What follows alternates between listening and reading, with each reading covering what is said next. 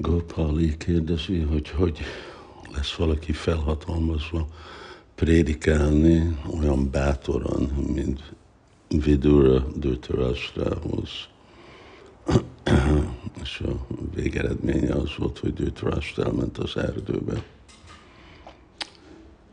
Hát eh, én inkább arra vártam volna a, a kérdés, hogy olyan bátran, mint ahogy Sila Prabhupád uh, prédikált, és látjuk, hogy a mai napon mennyi bakta bátran prédikál, erdőbe elmenni, az úgy arányilag egy könnyű dolog, amikor már öreg és úgyis haldoklik, de beköltözni templomba, adni az életemet, terjeszteni Krishna tudatot, az, az egy igazi erős és bátor prédikálás, eredményes prédikálás.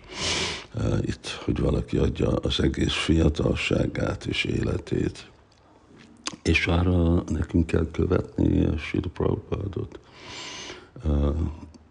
ismerni az ő példáját, és amikor mi is bátran követünk, és gyakoroljuk Krishna tudatot, ahogy ő kérte tőlünk, akkor mi is leszünk bátor átadni Krishna tudatot. És a fő kulcs, amit Prabhupád hangsúlyozott, hogy meg kell győzve lenni Krishna tudatról. Meg kell győzve lenni, hogy ez az abszolút igazság, és hogy ezt mindenkinek kellene személyesen részt venni, és amikor mi meg vagyunk nagy döntve és mi vagyunk nagyon eh, határozó, és nagyon erős a mi bizalmunk, akkor természetesen akkor nagyon bátor leszünk.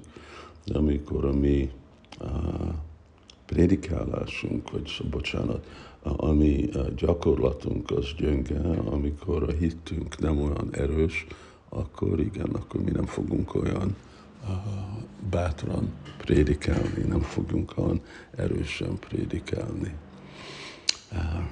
Ez a mai rövid podcast. Hare Krishna.